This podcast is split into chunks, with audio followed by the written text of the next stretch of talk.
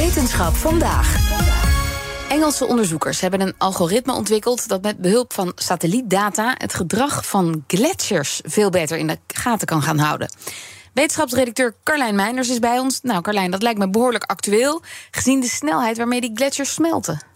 Zeker, zeker. Ja, kort geleden nog in het nieuws uh, natuurlijk. Gletsjers smelten wereldwijd nog sneller dan gedacht. Uh, zelfs al halen we de klimaatdoelen uit het Parijsakkoord dan nog... zal bijna de helft aan het einde van deze eeuw zijn gesmolten.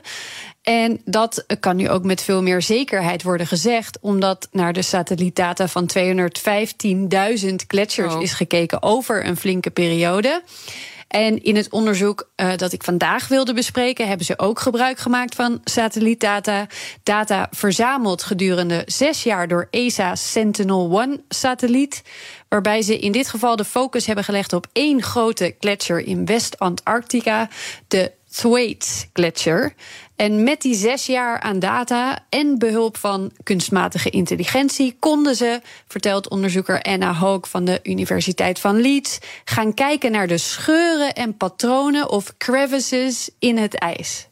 First of all, we took lots of images and we were able to track how those crevasses displaced or moved over time as the glacier was flowing. So glaciers flow in very much the same way that rivers flow. It's just a little bit more slow motion than that. Um, and um, so we were able to measure the speed that the ice was flowing at. Oké, okay, dus ze brachten de snelheid waarmee dat ijs bewoog in kaart. Ja, precies. En ze konden nog iets zien. We were also able to map the pattern or the network of crevasses across the surface of the ice. And if you haven't seen these pictures, the easiest way I can describe it is that it looks like crocodile skin, sort of like big square blocks um, and in a network like pattern on the surface of the ice.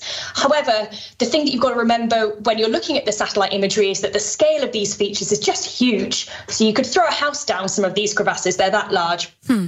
Enorme scheuren dus in een soort krokodillenhuidpatroon, ja, krokodillenleer. Ja. Enorme blokken ijs in een patroon dat eh, haar in ieder geval doet denken aan een krokodillenhuid. Met daartussen dus scheuren en spleten zo groot dat er een huis in past. En wat, wat konden ze dan zeggen met die kennis over die patronen en de snelheid waar, waarmee ze bewogen? Ja, daarmee uh, zagen ze iets wat ze eigenlijk totaal niet hadden verwacht. Since uh, 2015, Thwaites Glacier, it had actually sped up and slowed down by about 30 to 40% twice within this period, which was a huge surprise. En waarom was dit nou zo'n grote verrassing? Normaal gesproken wordt gewerkt met metingen die misschien één keer per jaar of één keer in de tien jaar, soms zelfs één keer in de honderd jaar zijn gedaan.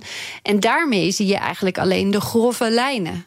But now with this, um, the Sentinel satellites, we've got guaranteed images acquired every week or every two weeks, which means that the, the frequency with which we can observe change has, has been completely transformed. Dus ze konden bijna elke week zien wat er veranderde, zes jaar lang.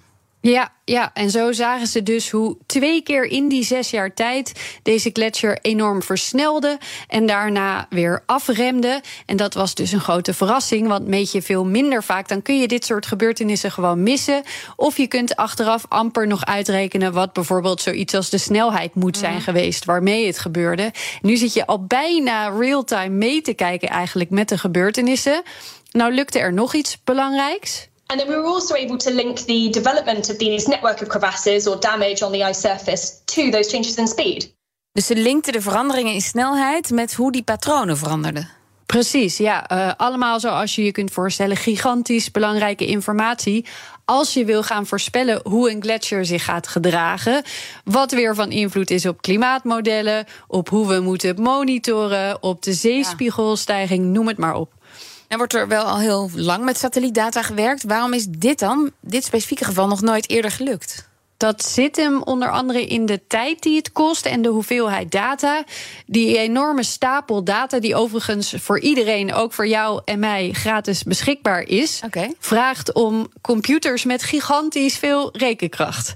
En dan ook nog eens uh, om het juiste algoritme, om die data dan weer zo snel mogelijk en zo automatisch mogelijk uit te lezen en te onderzoeken. En dat kan gewoon niet iedereen. Maar deze onderzoekers is dat wel gelukt. En kunnen ze dit dan ook voor andere gletsjers doen? Zeker, ja, dat is de volgende stap. We'll be ramping up our data processing, taking advantage of all the fantastic data that um, the Sentinel-1 satellite has acquired, and we are going to make these measurements on other glaciers, um, both in West Antarctica and elsewhere. Wat ook nog belangrijk wordt, die veranderingen weer linken aan een oorzaak. Is het de warmte van de zee? Is het de warmte van de lucht? Of een combinatie? Maar in welke verhoudingen dan? Wat beïnvloedt wat nou precies? En dat is ongelooflijk complex, zoals we inmiddels heel goed weten. Dus daarvoor zullen ze zeker ook gaan samenwerken met andere onderzoekers die daar weer van alles vanaf weten. Dankjewel, Carlijn Meinders. Ook Liesbeth Staats vind je in de BNR-app. Ja, heel handig. Luister live naar Kees en mij tijdens de Daily Move. Dan blijf je ook gelijk op de hoogte van breaking news en het laatste zakelijke nieuws. En daar vind je ook alle BNR-podcasts, waaronder de Perestrooikast. Download nu de gratis BNR-app en blijf scherp.